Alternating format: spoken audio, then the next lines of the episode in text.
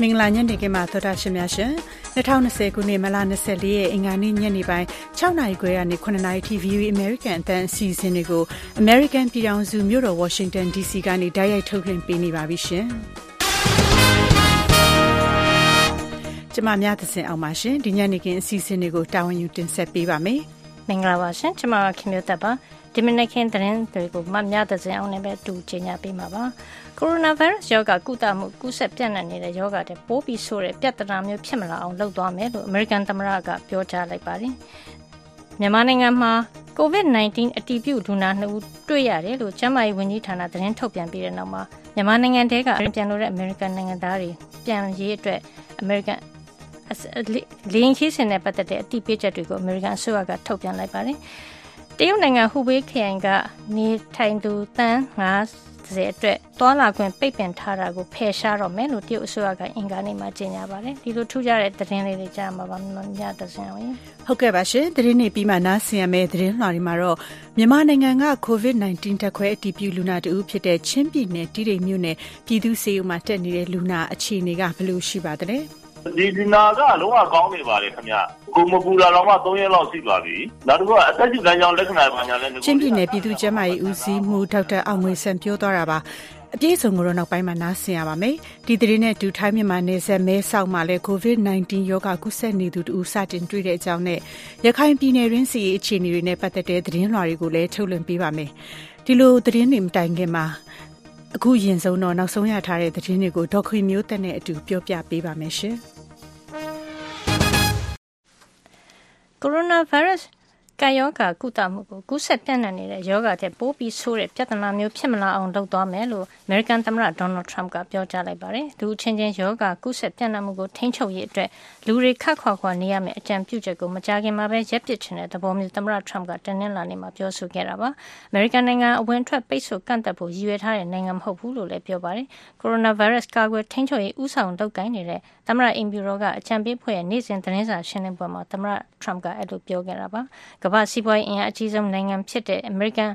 နိုင်ငံရဲ့အဝင်ထွက်ကန့်သက်ထားတဲ့ကိစ္စအဆုံးသတ်ဖို့အတွက်အဖွဲ့ကြီးတစ်ခုအနေနဲ့လုပ်ကိုင်နေပြီလို့လည်းသမ္မတက နေ့စဉ်သတင်းစာရှင်းလင်းပွဲမှာပြောပါတယ်။အခြေအနေတစ်ခုရောက်ရင်တော့ရှေ့ဆက်လုပ်ရမယ့်ကိစ္စတွေရှိနေရတယ်လို့လည်းပြောပါတယ်။နိုင်ငံနဲ့စီးပွားရေးလုပ်ငန်းအတော်များများကိုရန်နာထားတဲ့အတွက်စီးပွားရေးကိုထိခိုက်မဲ့ကိစ္စနဲ့ COVID-19 ကြောင့်ဖြစ်လာမယ့်အန္တရာယ်ကိုသမ္မတကချိန်ထိုးနေတာလည်းဖြစ်ပါတယ်။အမေရိကန်မှာ COVID-19 ကြောင့်သေဆုံးသူဟာ1ရာခိုင်နှုန်းသာရှိထားပြီးထင်ထားတာတဲ့ပိုပြီးနည်းနေတဲ့အပြင်စီးပွားရေးကျဆင်းမှုနဲ့ဆက်ဆက်ပြီးသေဆုံးမဲ့လူကယောဂကြောင့်သေဆုံးသူတဲ့အတော်များနိုင်တယ်လို့သမ္မတ Trump ကပြောကြားခဲ့တာပါ။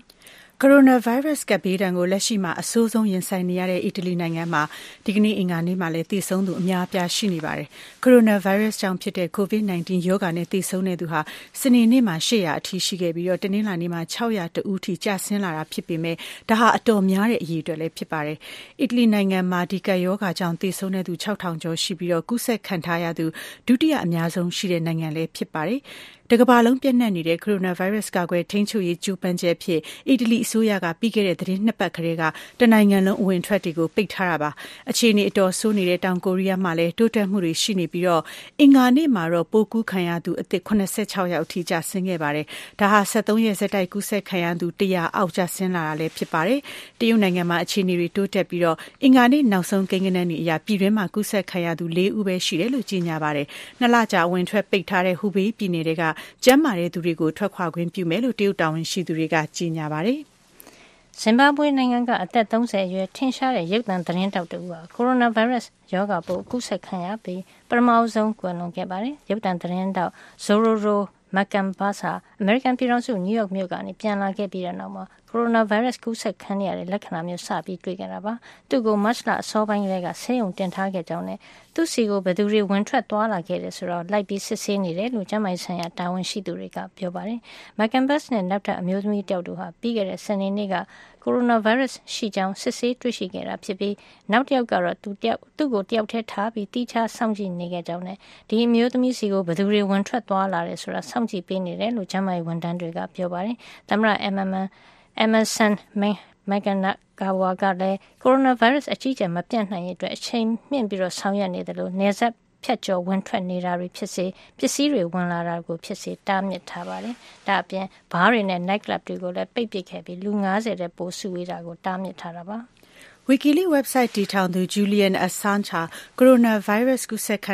ရနိုင်တဲ့အန္တရာယ်ရှိနေတာကြောင့်သူ့ကိုအာမခံနဲ့ပြန်လွှတ်ရေးဗုဒ္ဓဟူးနေ့မှာအစီရင်ခံတင်ပြမယ်လို့သူ့ရဲ့ရှေ့နေတွေကပြောပါတယ်။ American တပ်သားဟောင်း Chelsea Manning စီကစစ်ထောက်လှမ်းရေးသတင်းတွေကိုယူပြီး WikiLeaks website ပေါ်မှာဖော်ပြခဲ့တဲ့အတွက် Julian Assange ကိုအစိုးရရဲ့လျှို့ဝှက်သတင်းတွေရယူတယ်ဆိုပြီးသူလျှိုလုပ်မှုနဲ့ American ကအလိုရှိနေတာပါ။ Assange ရယူခဲ့တဲ့စာရွက်စာတမ်းတွေကတော့သံတမန်တွေရဲ့လျှို့ဝှက်စာရွက်စာတမ်းတွေအပြင်အီရတ်နဲ့အာဖဂန်နစ္စတန်နိုင်ငံတွင်းကအမေရိကန်ဦးဆောင်တဲ့တပ်ဖွဲ့တွေနဲ့ပတ်သက်တဲ့သတင်းချက်လက်တွေဖြစ်ပါတယ်။ပြစ်မှုကျူးလွန်ရာတိုင်းပြည်ဖြစ်တဲ့အမေရိကန်ကိုလွှဲပြောင်းခြင်းမခံရအောင်ကြိုးပမ်းနေတဲ့ Assange ကိုဗြိတိန်နိုင်ငံကလန်ဒန်မြို့နားမှာထိန်းသိမ်းထားတာလည်းဖြစ်ပါတယ်။ကျန်းမာရေးဆိုင်ရာကျွမ်းကျင်သူတွေရဲ့အဆိုအရ COVID-19 ကူးစက်ပြန့်နှံ့မှုဟာအထူးသဖြင့်အကျဉ်းသားတွေများပြားလွန်းတဲ့ထောင်တွေထဲမှာဖြစ်နိုင်ခြေပိုများတယ်လို့ပြောပါတယ်ရှင်။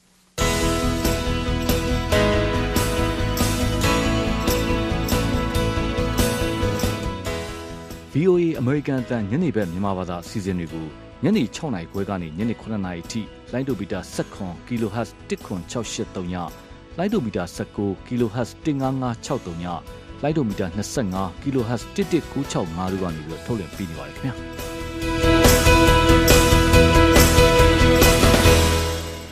VOA American တန်ကညနေခင်းသတင်းတွေကိုဆက်လက်ကြီးညာနေပါတယ်။ မြန်မာနိုင်ငံမှာ COVID-19 အတည်ပြုလူနာ2ဦးတွေ့ရတယ်လို့ ကျန်းမာရေးဝန်ကြီးဌာနကနေ သတင်းထုတ်ပြန်လိုက်ပြီးတဲ့နောက်မှာ မြန်မာနိုင်ငံတွင်းကနေ အမေရိကန်နိုင်ငံကို ပြန်ပြန်ပြန်လာလို့တဲ့ အမေရိကန်နိုင်ငံသားတွေအတွက် မြန်မာနိုင်ငံဆိုင်ရာ အမေရိကန်တန်ယုံကပြည်ရင်းပြည်ပ လေရင်ခီးစဉ်တွေနဲ့ ပတ်သက်ပြီး အတိပေးချက်ထုတ်ပြန်လိုက်ပါတယ်။ဒီသတင်းပတ်အတွင်းနိုင်ငံတကာလေကြောင်းလိုင်းတွေကနေမြန်မာနိုင်ငံကနေနိုင်ငံတကာကိုထွက်ခွာမဲ့လေရင်ခီးစဉ်တွေကိုရှော့ချလိုက်တဲ့အတွက်မြန်မာနိုင်ငံကနေအမေရိကန်ကိုပြန်လာမဲ့အမေရိကန်နိုင်ငံသားတွေနဲ့ဒိုဟာတိုကျိုနဲ့တရုတ်နိုင်ငံမျိုးကနေတဆင့်ပြန်မှုစီစဉ်နိုင်ကြောင်းအသိပေးစာမှာဖော်ပြထားပါတယ်။ဒါပေမဲ့လင်းခီးစဉ်တွေမှာကြိုတင်မကြေညာတဲ့အပြောင်းအလဲတွေရှိတယ်လို့တချို့ကပြေးဆွဲပေးတယ်ဆိုပေမဲ့လက်မှတ်တွေရောင်းချနေကြတာမျိုး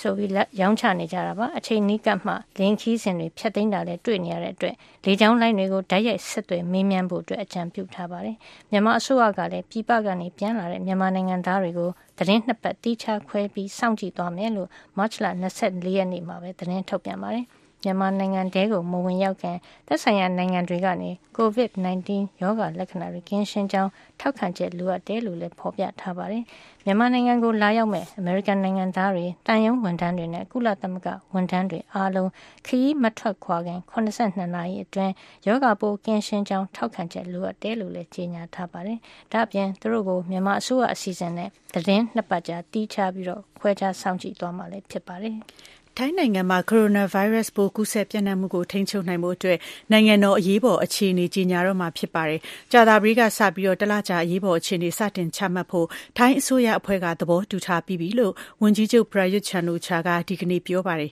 ။ထိုင်းနိုင်ငံမှာ COVID-19 ရောဂါပိုး ကူးစက်သူ ၁၀၆ ဦး ထပ်တိုးလာတဲ့အတွက် ဗိုင်းရပ်စ်ပိုး ကူးစက်ခံထားရသူ စုစုပေါင်း ၈၂၇ ဦးအထိ ရှိပြီဆိုတာကို အတည်ပြု ထုတ်ပြန်တဲ့ အင်္ဂါနေ့မှာပဲ အရေးပေါ်အခြေအနေ ကြေညာမယ့်အကြောင်း ဝန်ကြီးချုပ်က ပြောတာပါ။ကိုရိုနာဗိုင်းရပ်စ်ကြောင့်ထိုင်းနိုင်ငံမှာသေဆုံးသူပေါင်းကတော့၄ဦးရှိပါတယ်။နိုင်ငံတော်အရေးပေါ်အခြေအနေကစပြီးအာဏာသက်ရောက်ပြီးဆိုရင်အစိုးရအနေနဲ့အပြင်မထွက်ရအမိန့်ထုတ်ပြန်တာသတင်းမီဒီယာတွေကိုဆင်ဆာလုပ်ပိတ်ပင်တာ လူစုလူဝေးကိုဖြိုခွဲတာစစ်တပ်အင်အားအသုံးပြုတာစတဲ့တာမန်အခြေအနေမှာမရတဲ့လုပ်ပိုင်ခွင့်တွေရလာမှာဖြစ်ပါတယ်။အများပြည်သူအနေနဲ့တည်တည်ငြိမ်ငြိမ်ရှိကြဖို့ရုပ်သံကထုတ်လွှင့်တဲ့မိန့်ခွန်းမှာဝန်ကြီးချုပ် Prayut ကတိုက်တွန်းခဲ့တယ်လို့ဆိုရှယ်မီဒီယာကိုမတော်မလျော်အသုံးပြုတာတွေအပေါ်သတိပေးပြီးတော့ချိုးဖောက်သူတွေကိုပိုပြီးတင်းတင်းကြပ်ကြပ်အရေးယူသွားမယ်လို့ပြောပါတယ်။ပြီးခဲ့တဲ့ February လအထိကထိုင်းနိုင်ငံမှာ coronavirus ပိုးကူးစက်သူအရေအတွက်ဟာ10ယောက်တောင်မရှိခဲ့ဘဲနဲ့လွန်ခဲ့တဲ့သတင်းတစ်ပတ်ထဲမှာရာနဲ့ချီပြီးတော့တိုးလာတာတောင်မှဝန်ကြီးချုပ် Prayut အစိုးရက အခိုင်အမာ အရေးယူလှုပ်ဆောင်မှု မရှိတဲ့အပေါ်မှာလည်း ဝေဖန် ပြောဆိုနေကြပါတယ်ရှင်။ပြီးခဲ့တဲ့နှစ်ကုန်ပိုင်းကစပြီး ကိုရိုနာဗိုင်းရပ်စ်ရောဂါ စတင်ပြန့်ပွားရာ တရုတ်နိုင်ငံ ဟူဘေးခရိုင်မှာ နေထိုင်သူ သန်း90ကျော်အတွက် သွားလာခွင့်တားမြစ်ပိတ်ပင်ထားမှုတွေကိုဖယ်ရှားပစ်တော့မယ်လို့တရုတ်အစိုးရကအင်္ဂါနေ့မှာကြေညာလိုက်ပါတယ်။တကယ်လို့နောက်ထပ်ကူးစက်သူအသစ်ထပ်ပြီးမတွေ့ရဘူးဆိုရင်ဟူဘေးပြည်နယ်ထဲမှာနေထိုင်သူတွေဟာနှစ်လကြာအတိဒုက္ခရောက်နေကြရာကနေအင်္ဂါနေ့ညသန်းခေါင်ယံမှာစတင်ခွင့်ပြုတော့မယ်လို့ ခွင့်ပြုတော့မယ်လို့လည်းဒေသအာဏာပိုင်တွေကပြောပါတယ်။ဝူဟန်မြို့အတွက်တော့ဧပြီလ၈ရက်နေ့အထိဆက်ပြီးတော့ကန့်သက်ထားမှာလည်းဖြစ်ပါတယ်။ဒါ့အပြင်ဒေသရင်းကလေစိတ်၃ခုကိုတော့ဗိုလ်တဖူးနေမှာပြန်ပြီးဖွင့်လှစ်ဖို့စီစဉ်ထားပါတယ်။ပြီးခဲ့တဲ့လအတွင်းကိုရိုနာဗိုင်းရပ်စ်ရောဂါပိုးကူးစက်မှုတဖြည်းဖြည်းနဲ့နေသွားပြီးနောက်ထပ်အသစ်ထပ်ပြီးမတွေ့ရတဲ့အတွက်အခုလိုထုတ်ပြန်လာလည်းဖြစ်ပါတယ်။ဒါပေမဲ့ဒီလပိုင်းအတွင်းမှာပဲတရုတ်နိုင်ငံမှာနောက်ထပ် ယောဂပိုး ထပ်ပြီးတော့ကူးစက်သူ ၃ ဦးကို တွေ့ရှိခဲ့တာ ဖြစ်ပါတယ်။ဒီကနေ့အင်္ဂါနေ့မှာတော့အာရှစတော့ရှယ်ယာဈေးနှုန်းတွေပြန်ပြီးတော့မြင့်တက်ခဲ့ပါတယ်။တောင်ကိုရီးယားကော့ပစီက8ရာခိုင်နှုန်းမြင့်တက်တယ်လို့ဂျပန်နစ်ကေးကလည်း9ရာခိုင်နှုန်းတက်ခဲ့ပါတယ်။ဩစတြေးလျနဲ့ဟောင်ကောင်မှာ4ရာခိုင်နှုန်းစီနဲ့ရှန်ဟိုင်းမှာ2ရာခိုင်နှုန်းတက်သွားပါတယ်။ဗဟိုဘဏ်တွေကမကြုံစဘူးကြားဝင်ထောက်ပံ့ပြီးလို့အခုလိုအစုရှယ်ယာဈေးတွေပြန်ပြီးတော့မြင့်တက်ခဲ့တာပါ။ဒါ့အပြင် American ဗဟိုဘဏ်ကလည်းတိုင်းပြည်ရဲ့စီးပွားရေးရှင်သန်ဖို့ပမာဏကြီးမားတဲ့အရေးယူဆောင်ရွက်မဲ့အစီအစဉ်တွေကိုကြီးညာခဲ့ပါတယ်။ဂျပန်နဲ့တောင်ကိုရီးယားမှာလည်းအလားတူစီးပွားရေးအဖက်ဆယ်တဲ့ဆောင်ရွက်ချက်တွေကိုလှုပ်ဆောင်ပေးခဲ့ပါတယ်ရှင်။ Direct from Washington The Voice of America VOA အင်္ဂါနေ့ညနေပိုင်းတွင်နောက်ဆုံးရသတင်းတွေကိုဒေါခင်မျိုးသက်နဲ့အတူပြောပြပေးခဲ့ရပါရှင်။အခုဆက်ပြီးတော့မြန်မာနိုင်ငံမှာ COVID-19 အတည်ပြုလူနာဦးတွေ့ရှိထားတာနဲ့ပတ်သက်ပြီးတော့ပေးပို့ထားတဲ့သတင်းဆောင်မတွေကိုစက်တိုက်ထုတ်လွှင့်ပေးသွားပါမယ်။ COVID-19 ဓာတ်ခွဲအတည်ပြုလူနာတဦးဖြစ်တဲ့ ချင်းပြည်နယ် တီးတိမ်မြို့နယ် ပြည်သူ့ဆေးရုံက လူနာအခြေအနေဟာ ကျန်းမာရေးကောင်းမွန်လျက်ရှိတယ်လို့ သိရပါဗျ။လက်တလုံးမှာ သူ့ကိုတိကျထားရှိကုသပေးနေပြီး သူနဲ့ထိတွေ့ခဲ့တဲ့သူတွေကိုလည်း အသွာအလာကန့်သက်ပြီး စောင့်ကြပ်ကြည့်ရှုဖို့အတွက် ဆောင်ရွက်နေတယ်လို့ ကျန်းမာရေးဌာန တာဝန်ရှိသူတွေက ပြောပါတယ်။ ချင်းပြည်နယ်တီးတိမ်ပြည်သူ့ဆေးရုံမှာကိုရိုနာဗိုင်းရပ်စ်အတည်ပြုလူနာအဖြစ်နဲ့တိကျထားရှိကုသပေးနေတဲ့လူနာဟာသေဆုံးသွားတယ်ဆိုတဲ့ကောလာဟလတွေထွက်ပေါ်လာပေမဲ့ဒီလူနာကျန်းမာရေးကောင်းမွန်လျက်ရှိတယ်လို့ချင်းပြည်နယ်ပြည်သူ့ကျန်းမာရေးဦးစီးမှုဒေါက်တာအောင်ငွေဆန်က VOA ကိုအတည်ပြုပြောဆိုထားပါတယ်။ ဒီဒီနာကလုံးဝကောင်းနေပါလေခင်ဗျကိုမပူလာတော့မှ3ရက်လောက်ရှိပါပြီနောက်တစ်ခုကအသက်ရှူလမ်းကြောင်းလက္ခဏာပါညာလဲငကိုလေးကစတယ်ဘာမှမခံစားပါဘူးခင်ဗျသူစစချင်းကိုလေးနည်းနည်းကိုပူလာတော့ပဲရှိပါတယ်ခင်ဗျဟုတ်ကဲ့အခုကိုမပူလာ3ရက်ရှိပါပြီလုံးဝနေထိုင်ကောင်းနေပါတယ်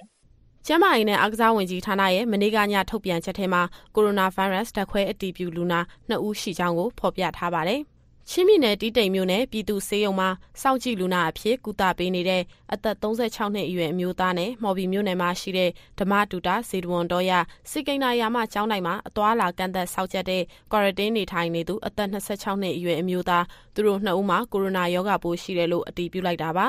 လက်ရှိချိန်မှာသူတို့နှစ်ဦးလုံးကျန်းမာရေးကောင်းမွန်လျက်ရှိပြီးသူတို့နဲ့ထိတွေ့ခဲ့သူတွေကိုလိုက်လံထောက်လှမ်းပြီးအသွာလာကန့်သက်တာဆောင်ရွက်ဖို့အတွက်လည်းပြင်ဆင်နေတယ်လို့ကျန်းမာရေးဌာနတာဝန်ရှိသူတွေကပြောထားပါတယ်။ ချင်းပြည်နယ်တီးတိမ်ပြည်သူ့ဆေးရုံကလူနာကိုတိချထားရှိပြီးကုသပေးနေတယ်လို့ဒေါက်တာအောင်ငွေဆန်ကအခုလိုပြောပါတယ်။ဒီပုဂ္ဂိုလ်ကိုကျွန်တော်တို့ဒီနေ့ဆေးရုံမှာဝန်ထမ်းအိမ်ကအစ်စ်တစ်ခုရှိပါတယ်ခင်ဗျ။အာတီတိုက်ကြီးတစ်ခုရှိပါတယ်။ဘယ်သူမှမထားသေးတဲ့အခန်းတွေဒီရစင်ကရှိပါတယ်။ဒီချုံကန်းတို့အိမ်သားတို့ကတွဲရရှိတဲ့ကြောင့်အဲ့ရအခန်းတစ်ခန်းမှာရောက်ကလေးကကျွန်တော်တို့ဒီကြားထားရှိပါတယ်။စားတော့ဒီပို့တာကိုလည်းကာယကံရှင်ရဲ့မိသားစုဝင်တူဦးကိုသာကန့်သက်ပြီးတော့အဝေးကနေပို့တဲ့စနစ်နဲ့ဆောင်ရွက်ခဲ့ပါတယ်။ ဒီလူနာမြန်မာပြည်ထဲပြန်ဝင်လာကလေးကသူသွားခဲ့တဲ့နေရာတွေနဲ့သူနဲ့နီးကပ်ခဲ့သူတွေကိုအသွားလာကန့်သတ်ဖို့အတွက်လည်းထောက်လန်းစုံစမ်းနေတယ်လို့ဆက်ပြောပါတယ်။သသတည်းသူလာခဲ့တဲ့လမ်းတစ်လျှောက်မှာသူတဲခုခဲ့တဲ့နေအိမ်တွေသူသွားခဲ့တဲ့လမ်းကြောင်းတစ်လျှောက်သူသုံးသွားပြတဲ့ခြင်းတွေအော်သူရောက်ရှိတဲ့ရွာမှာသူနဲ့ထိတွေ့ခဲ့တဲ့လူတွေကိုအခုလောလောဆယ်ကျွန်တော်တို့ trace လုပ်နေပါတယ်ခင်ဗျာ။ဒီဆိုတဲ့အခါမှာကျန်းမာရေးဌာနတွေရောအခြားသောကျွန်တော်အုပ်ချုပ်ရေးအဖွဲ့အစည်းတွေအခြားသောအဖွဲ့အစည်းတွေအကူအညီလေးယူပြီးတော့ကျွန်တော်တို့ trace လုပ်ဖို့ လုပ်တဲ့အဆောင်ရွက်နေတဲ့ကာလဖြစ်ပါတယ်။အဲဒီကနေတွေ့ရှိလာတဲ့ပေါ်ဒီမှာမူတည်ပြီးတော့ကျွန်တော်တို့ WHO guideline အတိုင်း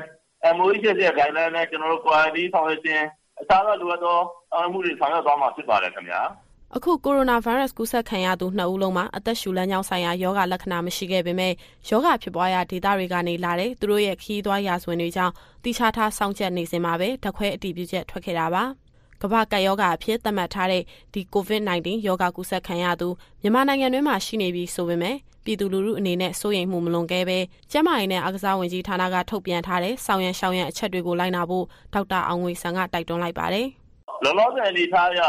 အရင်ကြီးပြည်သူလူထုကိုကြောက်ရွံ့တာကိုမဖြစ်စေချင်ပါဘူး။သို့တော်လည်းပေါ်ဆတာကိုလည်းမဖြစ်စေချင်ပါဘူး။အဲတော့ကျန်းမာရေးနဲ့အားကစားဝန်ကြီးဌာနကညွှန်ကြားထုတ်ပြန်လာတဲ့အတိုင်းဆောင်ရွက်ရမယ့် ကိစ္စတွေဆောင်ရှားမဲ့ကိစ္စတွေလူရန်တို့တွေတေချာတိတိကျကျလိုက်နာပေးကြဖို့ကျွန်တော်တို့လူတယ်လို့ကျွန်တော်အနေနဲ့ပြောလိုပါတယ်ဒီကနေ့စီးရင်တွေအရနိုင်ငံပေါင်း195နိုင်ငံကိုကူးစက်ခဲ့ပြီးလူပေါင်း3,800ကျော်ကိုကူးစက်ခဲ့တာပါ။စုစုပေါင်းသေဆုံးသူကတော့16,000ကျော်ရှိခဲ့ပေမဲ့ယောဂသက်သာလာသူအရေအတွက်ဟာလည်း3,200ကျော်ရှိနေပြီဖြစ်ပါတယ်။ ပြည်သူလူထုအနေနဲ့ဒီလိုအချိန်မှာသတင်းအမှားတွေကိုမယုံကြဖို့နဲ့ကျန်းမာရေးနဲ့အားကစားဝန်ကြီးဌာနကထုတ်ပြန်ထားတဲ့ဒီယောဂနဲ့ပတ်သက်တဲ့လိုက်နာရမယ့်အချက်တွေကိုပူးပေါင်းပါဝင်ဆောင်ရွက်ဖို့လိုပါတယ်။လူထူတတ်တဲ့နေရာတွေကိုမသွားဖို့လက်နဲ့မျက်နှာနှာခေါင်းပါးစပ်တို့ကိုမထိဖို့ချောင်းဆိုးနှာချင်ရင်အုပ်ဆိုးဖို့အပါအဝင်လက်ကိုဆက်ပြာနဲ့စနစ်တကျသေချာဆေးကြောပေးဖို့နဲ့ကိုခံအားကောင်းအောင်နေထိုင်ဖို့ကျန်းမာရေးနဲ့အားကစားဝန်ကြီးဌာနကသတိပေးထားပါတယ်။ကျမဆုစုပါရန်ကုန်မြို့ကနေသတင်းပေးပို့ထားပါတယ်။ထိုင်းမြန်မာနယ်စပ်မဲဆောက်မြို့မှာ ကိုဗစ်ရောဂါ ကူးစက်နေသူတူစတင်တွေ့ရှိခဲ့ပြီးတဲ့နောက် နယ်စပ်က မြန်မာတွေကြား စိုးရိမ်မှုတွေ တိုးလာနေတာပါ။ဒီအကြောင်းကိုကျမမအေးအေးမာ တင်ဆက်ပေးပါမယ်။ပြီးခဲ့တဲ့ မတ်လ20ရက်နေ့က ဘန်ကောက်မြို့ကနေ မဲဆောက်မြို့ကို လေကြောင်းနဲ့ ရောက်ရှိလာသူ အသက်38နှစ်အရွယ် ပါကစ္စတန်နိုင်ငံသားတဦးဟာ ကိုရိုနာ ကိုဗစ်ရောဂါပိုးရှိနေပြီး မဲဆောက်ဆေးရုံကြီးမှာ အရေးပေါ် ကုသပေးနေပြီဆိုပြီးထိုင်းသတင်းတွေမှာ တရားဝင် ဖော်ပြလိုက်ပါတယ်။ ဂျပန်ကနေ လိုင်စင်မဲ့ကားဟောင်းတွေကို နယ်စပ်73ဂိတ်ကနေ မြန်မာနိုင်ငံ နယ်ခြားဆောင်ဂိတ်ဖြစ်တဲ့ BGF ဂိတ်ဘက်ကို လှေလန်းကနေတဆင့် တင်ပို့ရောင်းချနေတဲ့ စီးပွားရေးသမားတဦးဖြစ်တဲ့ ပါကစ္စတန်နိုင်ငံသားဟာ ဘန်ကောက် ပတ္တရားမြို့ကို လည်ပတ်ခဲ့ပြီး ဘန်ကောက်ဒုံမောင်းလေဆိပ်ကနေ မဲဆောက်မြို့ကို ပြန်ရောက်လာခဲ့တာပါ။သူ့ရဲ့ အမျိုးသမီးဖြစ်သူ ထိုင်းကျောင်းဆရာမနဲ့ မဲဆောက်မြို့တခွင်ကို လျှောက်လည်ခဲ့ပြီး အဖျားတက် ချောင်းဆိုး ဝမ်းလျှော စတာတွေ ဖြစ်လာတာကြောင့် မဲဆောက်ပုဂ္ဂလိက ဆေးရုံတစ်ခုဖြစ်တဲ့ရန်ဆေးရုံကို အရင်ဆုံး တက်ရောက်ကုသခဲ့ပြီးတဲ့နောက် အဲ့ဒီဆေးရုံကနေတဆင့် မဲဆောက်ဆေးရုံကြီးကို လွှဲပြောင်းရောက်ရှိလာခဲ့တာ ဖြစ်ပါတယ်။73ဂိတ်မှာ ကားရောင်းဝယ်လုပ်နေတဲ့ မြန်မာနိုင်ငံသားတဦးကတော့ အခုလိုပြောပြပါတယ်။ဒီလောက်ပေါ်သူပါကစ္စတန်နေ ပြန်လာတာ ပါကစ္စတန်နေသူပြန်လာပြီးတော့ဘန်ကောက်မှာဆင်းပြီးတော့ဖတ်တရားမှာသူတွန်းနေတယ်20ရက်နေ့ထိ ဆက်ခွန်မှာ ဘန်ကောက်ရောက်တယ်ဖတ်တရားမှာ20ရက်နေ့ထိနေတယ်ဖတ်တရားကနေပြီးတော့ မဲဆောက်ကိုလာတယ် ညနေပိုင်း မဲဆောက်ကိုဝင်လာတာပေါ့ ဘာလို့ကျွန်တော်တို့က ဒီမှာတောက်ကြပလီ သူ ဗမာဘုရားရှိခိုးလဲဆိုတော့လိုက်စုံစမ်းတော့ဆယ်ပါမှ သူမရှိဘူးတောက်ကြပလီက သူလမ်းမှာပဲရှိတယ်။ကျင်းအောင်မှာရှိတဲ့ သူကောင်မလေးရဲ့ ထွက်ဆိုချက်ကလည်း ကြည့်ရတော့9နာရီခွဲကနေ စတယ် ဆိုတော့9နာရီခွဲ သောကြာနေ့ ညနေ9နာရီခွဲ သူမဆောက်ရောက်တယ် အဲ့ရနောက်ပိုင်းမှာ သူ list ရေးထားတာပေါ့ဘယ်နှစ်နာရီမှာဘယ်ကိုသွားလဲဘယ်နှစ်နာရီမှာဘယ်ကိုသွားလဲတော့လျှောက်ပေါ့သူကရောင်းဝယ်လောက်တာ73မိနစ်မှာပဲရောင်းဝယ်လောက်တာမှာဆိုတော့ကျွန်တော်တို့ဒီ gate ကအနေထားနဲ့ကြည့်မယ်ဆိုရင် तू က gate ကိုမရောက်လာသေးဘူးလေသူရောက်တဲ့ရက်က gate က session နေပိတ်လိုက်ပြီလေနောက်ဆုံးသတင်းတွေအရသူနဲ့အတူအနီးစပ်ဆုံးနေထိုင်နေသူတူနောက်ထပ်9ဦးလည်းမဲဆောက်ဆေးရုံကိုရောက်ရှိလာပြီးတန်တရားလူနာအဖြစ်စီစစ်ခံနေရပါတယ်သူနဲ့အတူဘန်ကောက်ဒွန်မောင်းလေဆိပ်ကနေမဲဆောက်ကိုလာကြတဲ့လူ၁၈ဦးကိုလည်း ဆေးစစ်မှုတွေလုပ်ဖို့အတွက် ထိုင်းအစိုးရက လိုက်လံစုံစမ်းနေပါတယ်။အခုလိုမျိုးကိုရိုနာဗိုင်းရပ်စ်ပိုးတွေ့ရှိသူဟာ မြန်မာပြည် ကရင်ပြည်နယ် မြဝတီခရိုင်ဘက်နဲ့ ဆက်ဆက်ပြီး အလုပ်လုပ်ကင်နေသူမို့ မြဝတီခရိုင်အုပ်ချုပ်ရေးမှူး ဦးတေဆောင်ကို မေးကြည့်တဲ့အခါမှာ အရင်တုန်းက ဝင်ထွက်သွားလာမှု ရှိ မရှိဆိုတာ အသေးစိတ် စုံစမ်းမှုတွေ လုပ်နေတယ်လို့ ဆိုပါတယ်။21 22 23 3ရက်မှာတော့အဲ့ကာလတွေမှာတော့ကျွန်တော်တို့က တပ်ပြမှာလည်းပိတ်ထားတယ်ကျွန်တော်တို့ကလည်းပိတ်ထားဆိုတော့လက်ရှိကျွန်တော်တို့လောက်ရတဲ့ဒီဒေသရဒီဘက်ကိုကူးလာတဲ့ဒေသတော့မရှိဘူးခင်ဗျ။ပိုးတော့ဟိုသွားတာရှိကောင်းရှိနေတာဖြစ်နေတာပါဒီတက်တော့သူဒီဟာဖြစ်ပြီးမှကူးလာတဲ့ဒေသမျိုးတော့ဟိုအဲ့ဒါတော့ကျွန်တော်တို့ဒါအတိတ်ထောင်းနေပါဗျာ။မြန်မာနိုင်ငံမှာလည်းနှစ်ဦးတွေ့ပေါ့နော်။တွေ့ကြတာလည်းထုတ်ထားတဲ့တော်တဲ့ကိုဒါအားလုံးကတော့တွေ့မှုတော့ရှိနေတာပေါ့ခင်ဗျ။အခုရပိုင်းအတွင်းမှာတော့ မဲဆောက်မြို့ပိုင် ဦးဆောင်ပြီး ကျန်းမာရေးနဲ့စီပင်ဝန်ထမ်းတွေဟာ မဲဆောက်ဈေးနဲ့ မြို့ရင်းလမ်းမတွေက ဈေးဆိုင်တွေကိုမိသက်ကားရင်တွေသုံးပြီးစေးကြောတန့်ရှင်းမှုတွေ လုပ်ဆောင်နေတာပါ ထိုင်းကျန်းမာရေးဝန်ကြီးဌာနရဲ့ သတင်းစာရှင်းလင်းချက်အရ ထိုင်းနိုင်ငံတွင်းမှာ မတ်လ24ရက်နေ့မှာတော့ နောက်ထပ် COVID-19 ရောဂါကူးစက်သူ104ဦး ထပ်တိုးလာပြီး သေဆုံးသူ ၄ ဦးထိ ရှိလာပါတယ်။ကိုရိုနာဗိုင်းရပ်စ်ကိုတွေ့ရှိပြီး ဆေးကုသမှုခံယူနေရတဲ့ လူနာအရေအတွက်ကလည်း ထိုင်းမှာ828ဦးထိ ရှိနေပါတယ်။ကျမမအေးအေးမှာထိုင်းမြန်မာနယ်စပ်ကနေ သတင်းပေးပို့ထားပါတယ်ရှင်။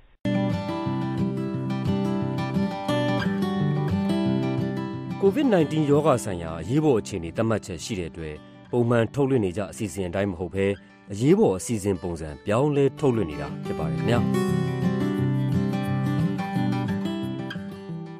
ဆက်ပြီးတော့ရခိုင်ပြည်နယ်တွင်းစစ်ရေးအခြေအနေနဲ့ရဲရင်တန်းမိုင်းခွဲတိုက်ခိုက်ခံရတဲ့အခြေအနေအကြောင်းပြောပြပေးမှာပါ။မနေ့ကမနေ့ပိုင်းမှာမောင်တော်မြို့နယ်မြောက်ပိုင်းမှာနေကြဆောက်ရဲရင်တန်းမိုင်းခွဲတိုက်ခိုက်ခံရပြီးရဲရရှိအပါဝင်တဦးသေဆုံးပြီးတော့အများပြားထိခိုက်ဒဏ်ရာရရှိခဲ့တယ်လို့မောင်တော်ခရိုင်အုပ်ချုပ်ရေးမှူးဦးစိုးအောင်ကပြောပါတယ်။အမှန်ဟို၃ယောက်တော့ကြာသွားတယ်ပြေသွားတယ်ပေါ့နော် ဒဏ်ရာရတာလည်းရှိတယ် ကားပေါ်ပါတဲ့လူတွေတော့ ဒဏ်ရာရတယ် သုံးခုတော့ပြေသွားတာပေါ့နော် သူတို့လည်း တရားဝင် မထုတ်ပြန်သေးဘူး အဲ့နာကျတော့ နည်းနည်းလူနေတာရောနေတာရှိတယ်ဒီရဲကားတန်းကို မောင်တော်မြို့နယ်လက်ရကြေးရွာနီးစီးပင်ချောင်းခွအစုံလမ်းစုံအနီးမှာ မိုင်းခွဲတိုက်ခိုက်ခံရတာဖြစ်ပြီး ဘယ်ဖွဲ့တိုက်ခိုက်တာကိုတော့ မသိရှိဘူးလို့ သူကပြောပါတယ်။မောင်တော်မြို့နယ် ပြည်နယ်လွှတ်တော်ကိုယ်စားလှယ် ဦးမောင်အုံးကနေကြားဆောက်ရဲတပ်ဖွဲ့ ရဲတပ်ရင်းမှုသူအပါဝင်၃ဦးကြဆုံးကြောင်း ပြောပါတယ်။ ဖြစ်တာတော့မှန်ပါတယ်။ဖြစ်နေကြတော့ဖြစ်ပြီးလို့စီးရမှဖြစ်လို့ကြားတယ်။တဲမုံတရားပါတော့တယ်လို့ကြားတယ်ပြီးတော့ဒီတက်တမြောက်လို့အဲ့လိုကြားတယ်ဒီဘုံဖောက်ခွဲခံရမှုမှာရဲတပ်ဖွဲ့ဝင်၄ဦးခန့်တန်ရာရရှိခဲ့တယ်လို့ဒေသခံတွေကဆိုပါတယ်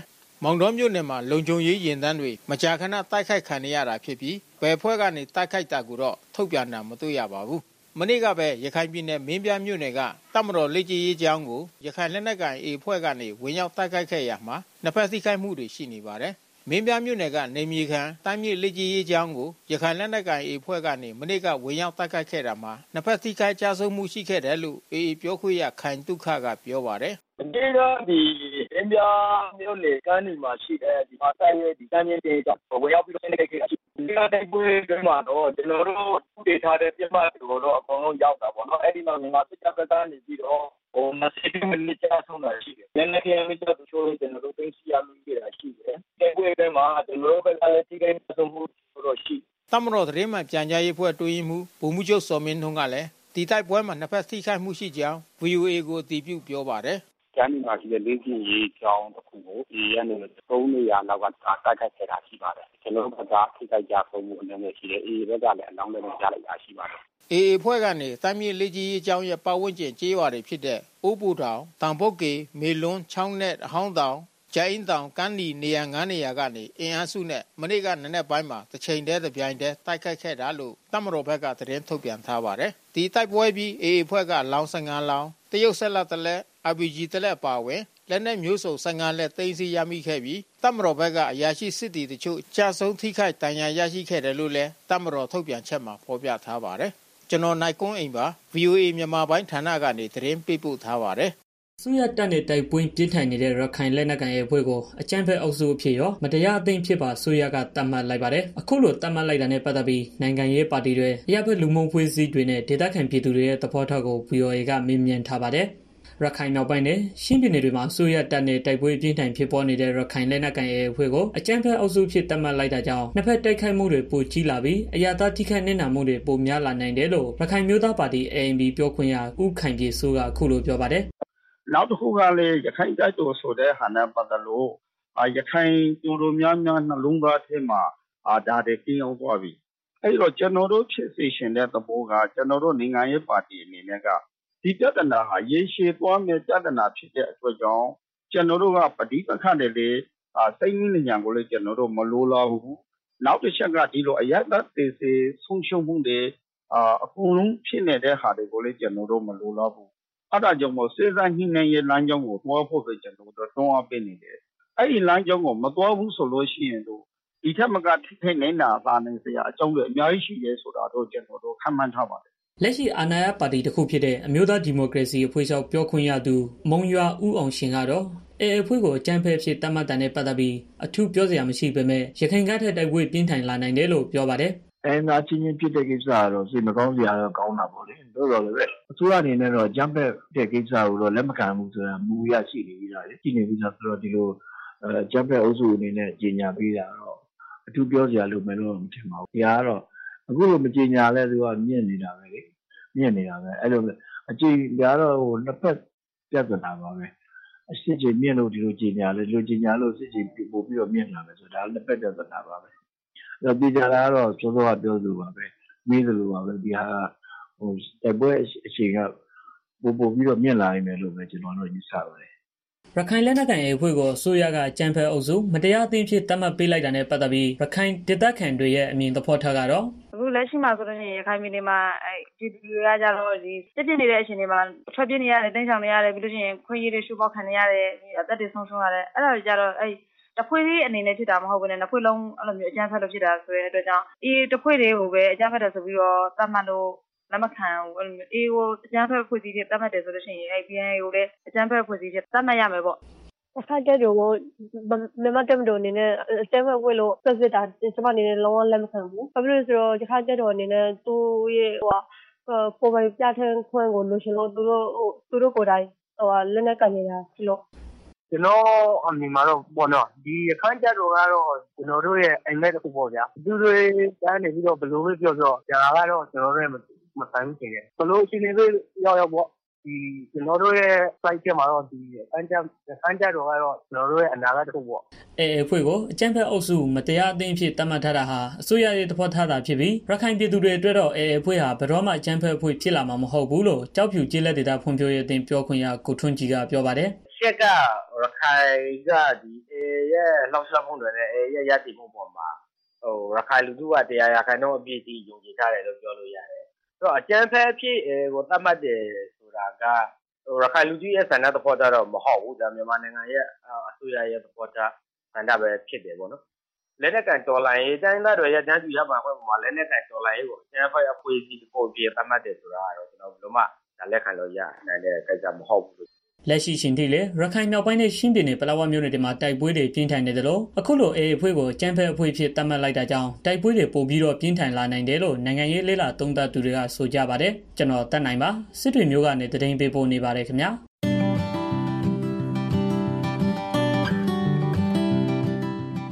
COVID-19 ရောဂါဆိုင်ရာအရေးပေါ်အခြေအနေသတ်မှတ်ချက်ရှိတဲ့အတွက်ပုံမှန်ထုတ်လွှင့်နေကြအစီအစဉ်တိုင်းမဟုတ်ဘဲအရေးပေါ်အစီအစဉ်ပုံစံနဲ့ပြောင်းလဲပြီးတော့ထုတ်လွှင့်နေတာဖြစ်ပါတယ်ရှင်။ဒီကနေ့ညနေပိုင်းအတွက်သတင်းလွှာတွေကိုနားဆင်ကြရတာပါအခုထုတ်လွှင့်ပေးနေတဲ့ VOA အစီအစဉ်တွေကို VOA ရဲ့ Facebook စာမျက်နှာ VOA Burmese News ကနေလည်းတိုက်ရိုက်နားဆင်နိုင်ပါတယ်ရှင်အခုတော့ဒီကနေ့ညနေပိုင်းအတွက်သတင်းချင်းချုပ်ကိုဒေါခင်မျိုးသက်ကပြောပြပေးပါမယ်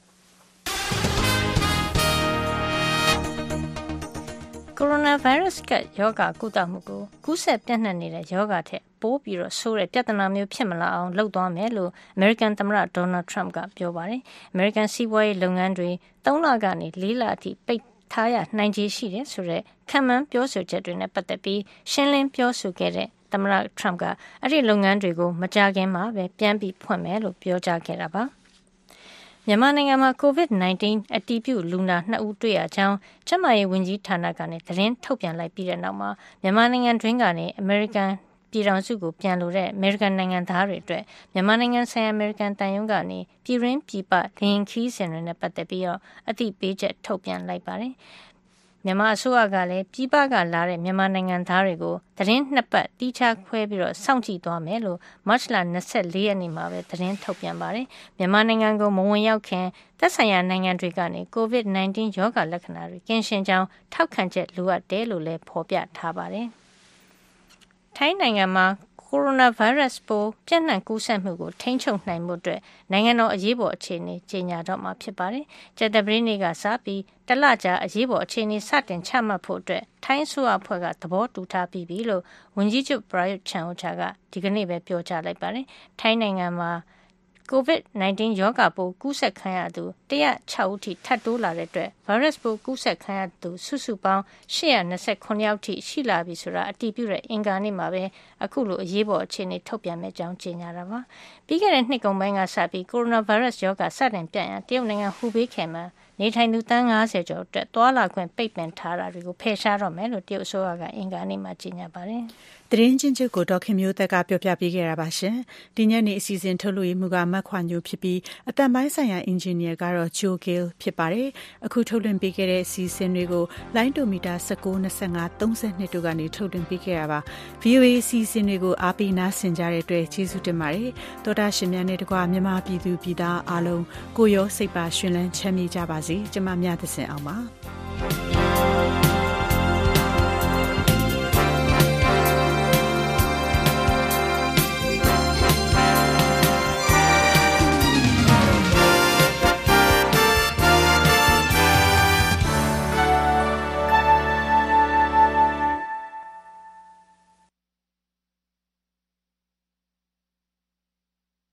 This program has come to you from the Voice of America, Washington.